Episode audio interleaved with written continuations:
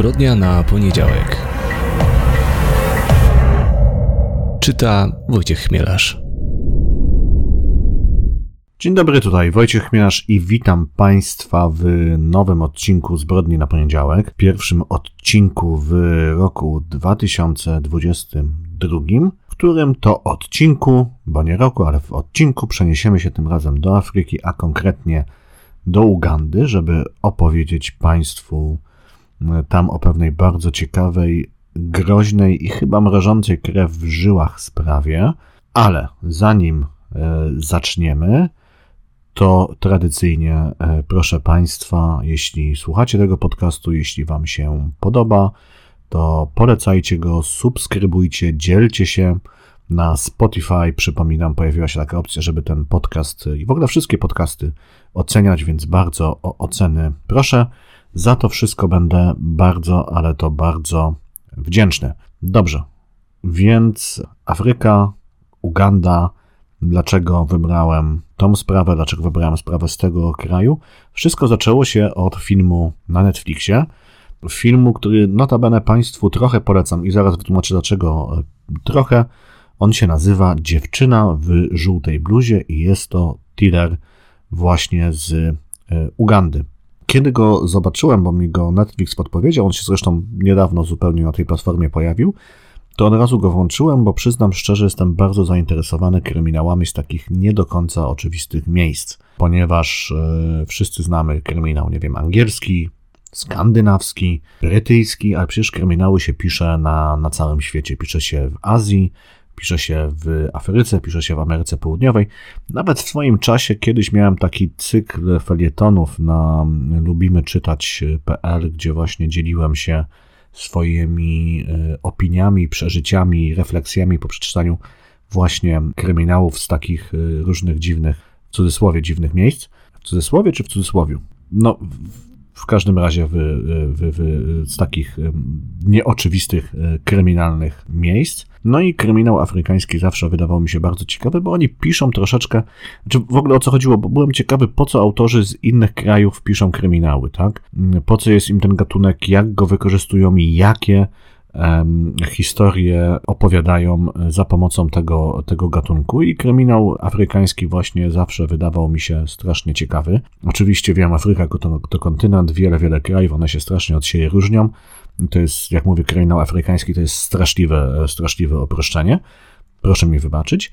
Natomiast nie mam tacy, tacy autorzy jak Bernard Jauman, tak, wydawany w Polsce, świetne książki pisze.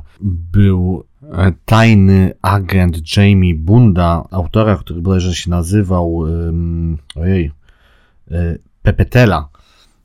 To był pseudonim e, oczywiście. Autor i kryminał z Angolii. Jeszcze parę innych, y, parę innych tytułów, parę innych y, autorów. One wszystkie, co było ciekawe dla mnie dosyć odkrywcze, były bardzo, bardzo polityczne. No dobra, ale to już nie będę Państwu o tych moich przeżyciach z afrykańskim kryminałem opowiadał. Chodzi mi właśnie tylko o to, że jestem tym kryminałem z takich nieoczywistych krajów zainteresowany zawsze i z dużą przyjemnością się z nimi zapoznaję, więc jak zobaczyłem jest e, dziewczyna w żółtej bluzie, to jest kryminał thriller, film z Ugandy, no to natychmiast włączam i oglądam. No i ten film ma sporo wad, to od razu przyznam, ponieważ cała jego fabuła opiera się na takich kilku e, zbiegach okoliczności. Natomiast widać, że autorzy wzorują się na braciach Cohen, do czego jeszcze wrócimy. Ale co jest największą jakby zaletą tego filmu, widać taką wielką radość, jaką mieli twórcy podczas tego filmu tworzenia. To jest oczywiście taki mroczny film, dosyć brutalny, ale widać, że wszyscy byli niesamowicie zaangażowani. Tworzenie tego filmu sprawiało im to radość, że to robili to ludzie, dla których kino jest nie tylko całym życiem, ale też jakimś życiowym marzeniem i to po prostu czuć na ekranie. I się ten film bardzo, mi przynajmniej przyjemnie oglądało i miałem wielką radość z, z jego obejrzenia, więc dziewczyna w żółtej bluzie do zobaczenia na Netflixie, ale e, autorzy się, twórcy tego filmu wzorują się na, bra na braciach Cohen, a konkretnie na ich chyba najgłośniejszym obrazie, czyli na Fargo. Jak Państwo pamiętają Fargo, to on się zaczyna od takiej planszy z napisem, on brzmi mniej więcej tak, że wszystkie tutaj e, wydarzenia, że znaczy ten film jest oparty na wydarzeniach prawdziwych, ze względu na dobro tych, którzy przeżyli, e, zmieniono nazwisko bohaterów, ale ze względu na to, na szacunek dla ofiar, to wszystkie inne szczegóły są e, prawdziwe. No i e, dziewczyna w żółtej bluzie zaczyna się od niemal identycznej planszy, tak, gdzie jest napisane, że wydarzenia są autentyczne, natomiast ze względu na dobro osób, które przeżyło pewne szczegóły tam, czy nazwiska, czy, czy imiona zostały zmienione. I teraz mm, Oczywiście i w przypadku Fargo, i w przypadku e, dziewczyny w żółtej bluzie jest to ściema. Mm, e, z, są to wymysły scenarzystów, oba te filmy. Natomiast y, ja się początkowo, jeśli chodzi o dziewczynę w żółtej bluzie, na to nabrałem i zacząłem googlać, tak? Zacząłem googlać y, sprawy ugandyjskie i tak trafiłem na tą historię, y, o której chcę Państwu teraz opowiedzieć. Historię, która wydarzyła się w Ugandzie, a konkretnie w regionie Wakisa. Sarah Nenima pracowała jako kelnerka w restauracji w Katabi, kilka kilometrów od międzynarodowego lotniska w Entebbe w Ugandzie właśnie. O 9 wieczorem 19 września 2017 roku zakończyła pracę i udała się do domu. Następnego dnia nie pojawiła się jednak w restauracji. Zaniepokojeni koledzy i rodzina rozpoczęli poszukiwania. Ciało dziewczyny znaleziono przy drodze łączącej Entebbe z Kampalą. Rosę Nakimuli, kolejna kobieta, o której chcę Państwu opowiedzieć, ona także zakończyła pracę o 21, udała się do domu, odświeżyła, a później poszła odwiedzić miejscowy bar, żeby wypić jedno czy dwa piwa. Kiedy wracała w nocy do domu, spotkała jeszcze znajomego, powiedzieli sobie cześć i ten znajomy był ostatnią osobą, która widziała ją żywą. Znaleziono ją następnego dnia niedaleko domu. Była rozebrana, ułożona w dziwnej pozycji. Wykorzystano ją seksualnie i zamordowano. Na ganku jej domu ciągle paliło się światło, z czego wynikał wniosek, że kobieta nigdy nie dotarła do domu, została zaatakowana tuż przy swoich drzwiach. Od czerwca do września 2017 roku, a właściwie od maja do września 2017 roku w regionie Wakisa w Ugandzie brutalnie zamordowano co najmniej 28 kobiet. Sarah Nalima i Rose Nakimuli były dwiema z ofiar. Wszystkie ofiary miały od 19 do 38 lat. Cztery były pracownicami seksualnymi, kilka innych zajmowało się obwoźnym handlem, Jedna z ofiar co najmniej była studentką lokalnej uczelni. Te wydarzenia były szokujące z kilku powodów. Po pierwsze, region Wakisa, gdzie mieszka blisko 2 miliony osób, graniczy ze stolicą kraju Kampalą. Przez lata był uważany za miarę spokojny. Jeszcze rok wcześniej, według policyjnych wskaźników, do, dochodziło tam do mniejszej ilości przestępstw mniejszej liczby przestępstw niż e, wynosiła średnia krajowa. Mieszkańcy uważali, że jest to dobre miejsce do życia. A potem zaczęło dochodzić do kolejnych morderstw. Najwięcej z nich wydarzyło się w dwóch miastach, Nansana i Ketabi, do innych dochodziło w Entebbe. Wszystkie te ośrodki miejskie dzieli około kilkadziesiąt kilometrów, jednak wiele osób było przekonanych, że są one dziełem, dziełem jednej i tej samej osoby seryjnego zabójcy. Ugandyjska policja początkowo lekceważyła sprawę. Uważała, że kobiety padły albo ofiarą przemocy domowej, albo sąsiedzkich zatargów, albo miejscowych grup przestępczych. Jednak sposób popełniania morderstw, charakterystyczne szczegóły zbrodni wskazywały na to, że przynajmniej część z tych zabójstw została popełniona przez tego samego człowieka. Ugandyjska policja na dobre zajęła się sprawą dopiero we wrześniu 2017 roku, kiedy zaczęły o niej pisać miejscowe, ale również międzynarodowe media i tak mi się wydaje, jak śledziłem tę sprawę, że to właśnie zainteresowanie międzynarodowych mediów, innymi y, brytyjskiego Guardiana, no, czy Al Jazeera, tak, sprawiło, że faktycznie ktoś się tym wszystkim zainteresował.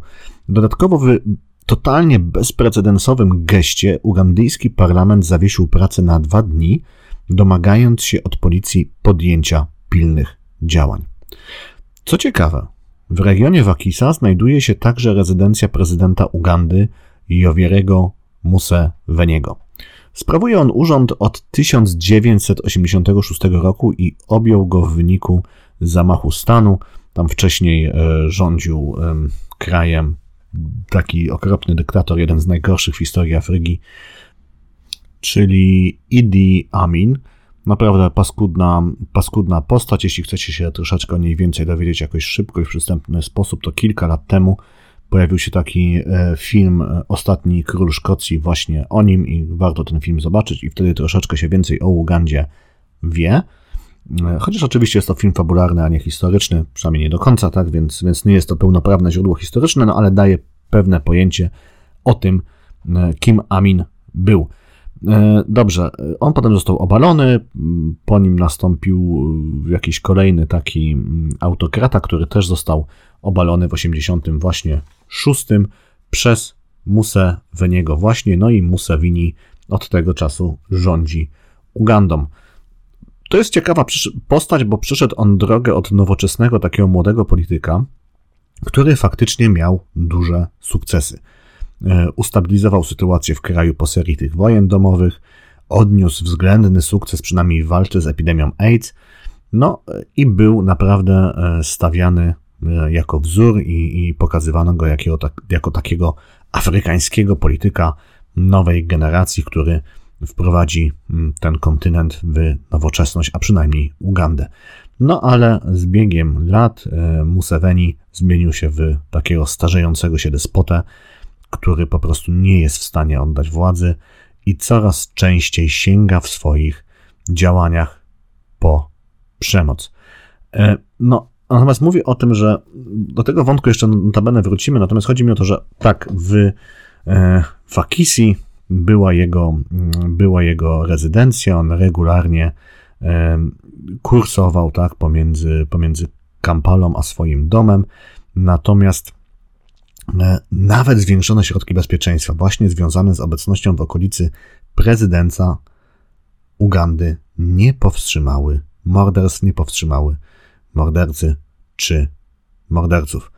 Tymczasem polityczna presja rosła, rozpoczęły się demonstracje, gdzie protestujący domagali się bezpieczeństwa. O sprawie mówił już cały kraj. Lokalni mieszkańcy zorganizowali się w Straż Obywatelską, a kobietom zabroniono wychodzić z domu po godzinie 22. No i w tej sytuacji ugandyjska policja rozpoczęła taką ostrą akcję i zaczęła aresztować E, kolejne osoby. Z tego, gdzie gdzieś wyczytałem, zatrzymano kilkadziesiąt, a nawet ponad setkę mężczyzn. No i właśnie, co ciekawe, bardzo wielu z nich przyznało się do jednego albo kilku zabójstw. Jednak ich zeznania nie miały wielkiej wartości. Oni byli przetrzymywani w koszmarnych warunkach w, w ugandyjskich aresztach, często byli torturowani, bici podczas przesłuchań. No ich jedyny związek ze sprawą był taki, że znali jedną bądź kilka z ofiar lub spotkali się z nimi w noc zabójstwa.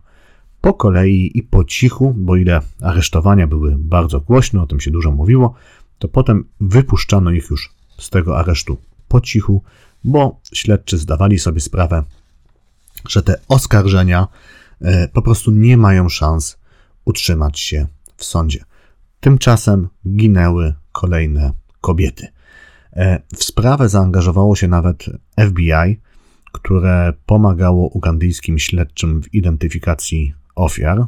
To zaangażowanie się FBI wprowadziło mm, pewne zamieszanie, ponieważ wydaje mi się, że przynajmniej część mieszkańców Ugandy uważała, że od tego e, momentu Amerykanie prowadzą e, sprawę, że to FBI będzie ścigała tego seryjnego zabójcę. I tutaj e, Ugandyjcy, ugandyjscy śledczy wielokrotnie w mediach powtarzali, że nie, nie, nie, Amerykanie nam tylko pomagają, ciągle to my i tylko my prowadzimy śledztwo. No to śledztwo mm, nie przynosiło ciągle wielkich rezultatów.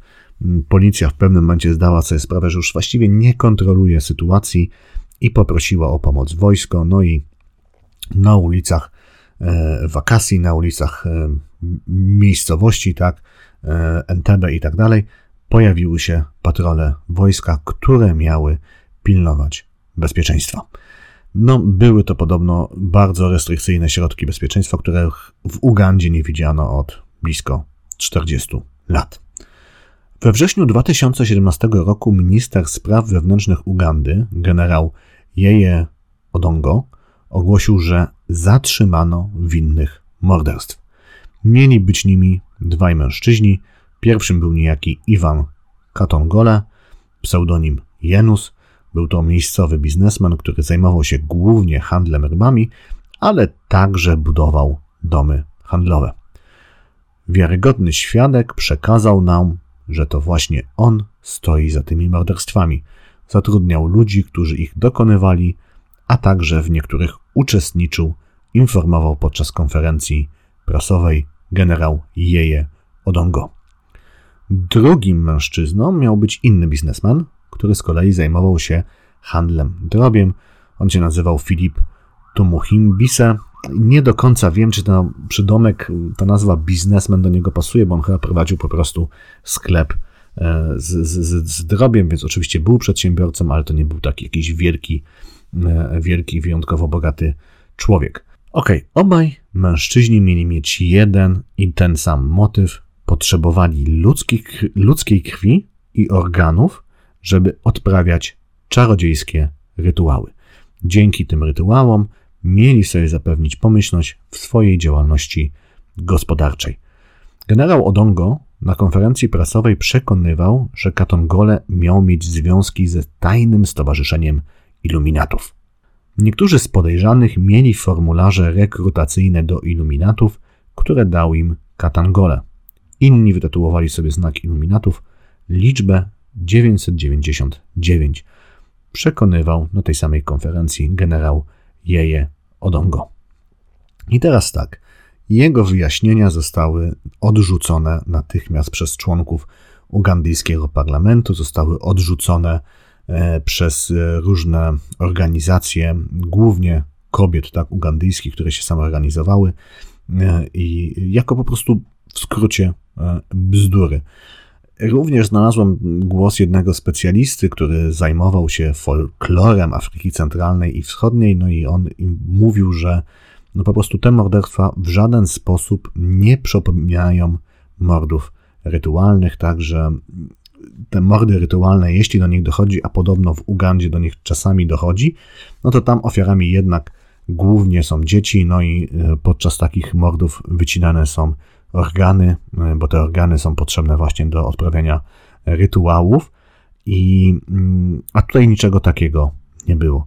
No i znowu, nie mam jakieś takie może podejrzenie, może niesłusznie, że ten cały zarzut, że to zamieszani są jacyś iluminaci, że to czarna magia, że to morderstwa rytualne, że to wszystko zostało powiedziane, żeby w jakiś sposób mm, to było kierowane, adresatem tego były zachodnie media, które się interesowały sp- sprawą, bo to jest, się tak wpisuje w ten kolonialny stereotyp Afryki, w, jakiego takiego dzikiego lądu, że mam wrażenie po prostu mm, ugandyjscy politycy chcieli pokazać yy, tym zachodnim dziennikarzom, patrzcie, my naprawdę jesteśmy dzikim krajem, dajcie już tutaj spokój, przestańcie się interesować, co się tutaj u nas dzieje ale też przyznam, nie jestem jakimś wielkim specjalistą od Afryki, od zwyczajów afrykańskich nie jestem w stanie e, ocenić całego tego kontekstu, który się z tą konferencją Jeje Odongo wiązał, natomiast faktem jest, że po prostu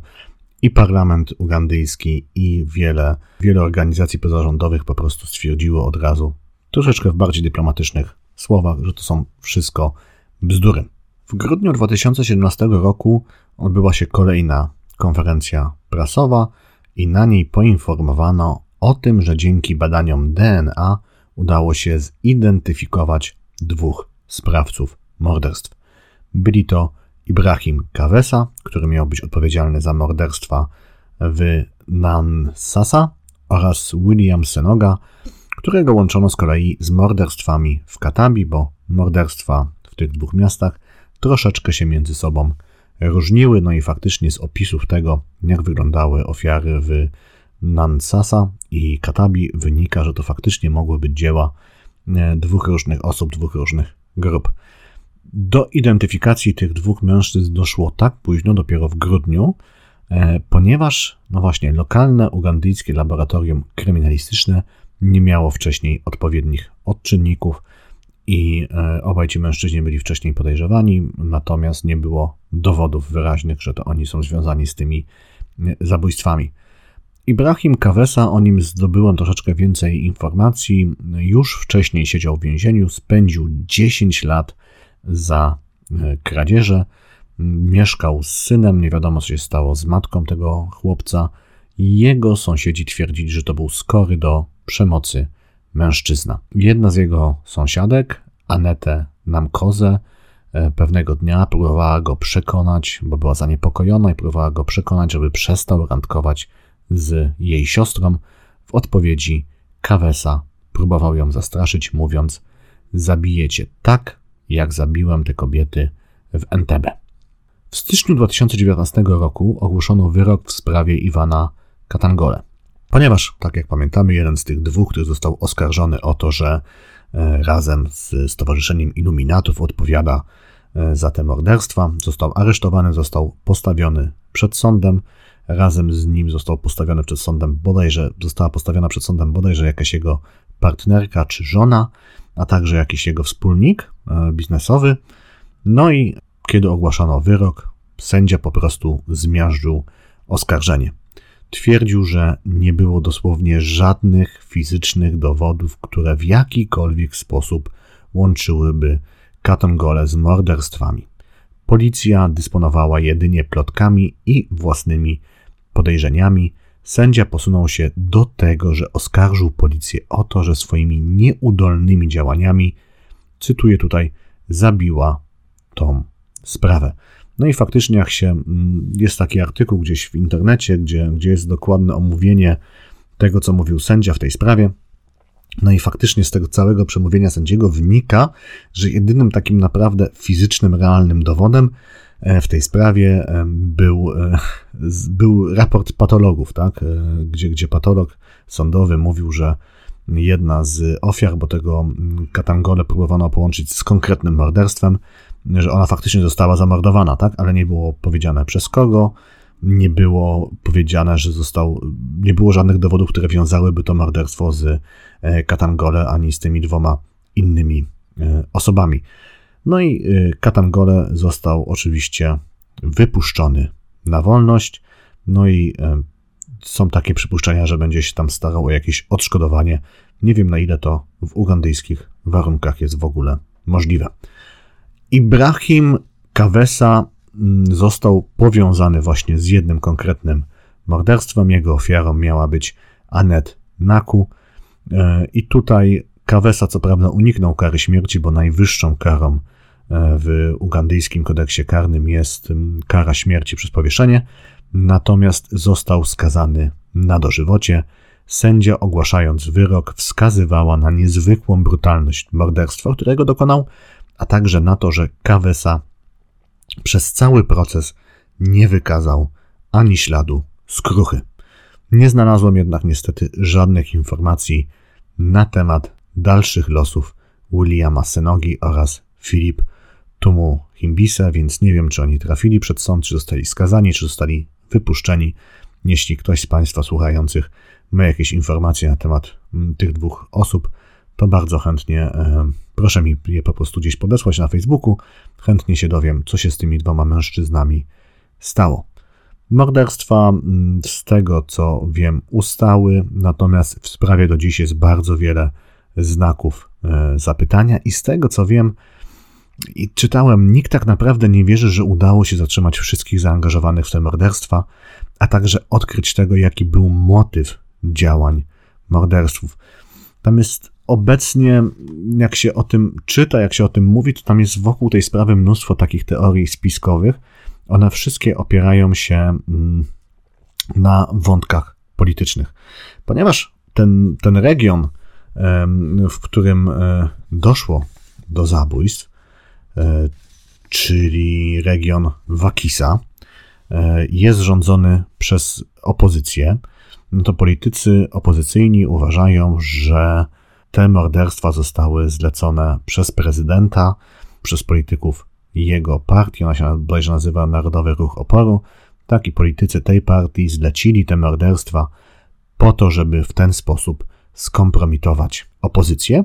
Z kolei politycy związani z prezydentem, prezy politycy partii rządowej uważają, że e, te morderstwa zostały zlecone przez przeciwników prezydenta albo przez opozycję po to, żeby go skompromitować, po to, żeby pokazać, że w Ugandzie nie jest bezpiecznie, po to, żeby zniechęcić turystów do odwiedzania Ugandy. Tam dodatkowo tłumaczono to w taki sposób, że ponieważ w NTB jest ta rezydencja mm, prezydenta, tak, to przeciwnicy prezydenta, prezydenta chcieli pokazać, że e, jak człowiek, który nawet nie jest w stanie zapewnić bezpieczeństwa wokół swojego własnego domu, jest w stanie rządzić Ugandą, tak? I dla nich to był dowód właśnie, że to przeciwnicy prezydenta za tymi morderstwami stali. Jak było naprawdę, ja oczywiście nie wiem, natomiast naprawdę tych takich różnych teorii spiskowych na temat tego, kto i dlaczego. Tam jest jeszcze jakaś teoria taka, że te morderstwa były wynikiem e, rywalizacji e, różnych organów bezpieczeństwa, ponieważ jest kilka tam agencji policyjnych w Ugandzie, one wzajemnie ze sobą konkurują, tak, i jedna z nich zabijała te kobiety po to, żeby skompromitować drugą, albo zupełnie na odwrót, tak, zabijała te kobiety po to, żeby pokazać, jak bardzo jest ważna, jak trzeba ją bardzo doinwestować, żeby mogła sobie poradzić ze sprawą tych zabójstw. Więc naprawdę mnóstwo bardzo dziwnych, e, bardzo dziwnych historii. No i tutaj miałem, przyznaję szczerze, od razu duży problem, żeby oddzielić to ziarno od pleb, żeby dowiedzieć się, w ogóle przeczytać tą historię, ponieważ jasne, we wrześniu 2019 roku e, wiele mediów zachodnich zainteresowało się tą sprawą, natomiast napisano na ten temat e, jeden tekst i ta historia nie była potem przez nie kontynuowana. Tak naprawdę większość mediów za, zadowoliła się tym tłumaczeniem ministra spraw wewnętrznych o mordach rytualnych, tak? I to było powtarzane w różnych e, gazetach, brukowcach, tak jako taka ta, tania sensacja, że patrzcie, jest taki dziki kraj w Afryce, Uganda, gdzie zabija się kobiety w celu, żeby jakiś wykonać mroczny rytuał z czarnej magii. Tak, i dlatego mam podejrzenie, że właśnie temu e, ta konferencja ministra tak naprawdę służyła. Natomiast jeśli chodzi o ugandyjskie media, no jest ich trochę, one nawet publikują artykuły w języku angielskim, natomiast te media jednak są dosyć słabe i no, trudno było znaleźć informacje właśnie na temat tego, no co się chociażby stało z Williamem e, e, Sanoga, czyli e, Senoga, przepraszam, czyli jednym z tych dwóch mężczyzn, który podobno no były twarde dowody, dowody wynikające z badania DNA, które go wiązały z co najmniej jednym z morderstw. To, co wiadomo na pewno, w ciągu pięciu miesięcy zamordowano 28 kobiet, zamordowano w bardzo brutalny sposób. Większość z nich była wcześniej seksualnie wykorzystywana i możemy być pewni tego, że nie wszyscy winni zostali za to ukarani. To była zbrodnia na poniedziałek. Mam nadzieję, że podobał się Państwu ten odcinek. Jeśli tak, to raz jeszcze e, zachęcam, subskrybujcie, dzielcie się, szerujcie, oceniajcie na Spotify, będę za to wszystko e, wdzięczny.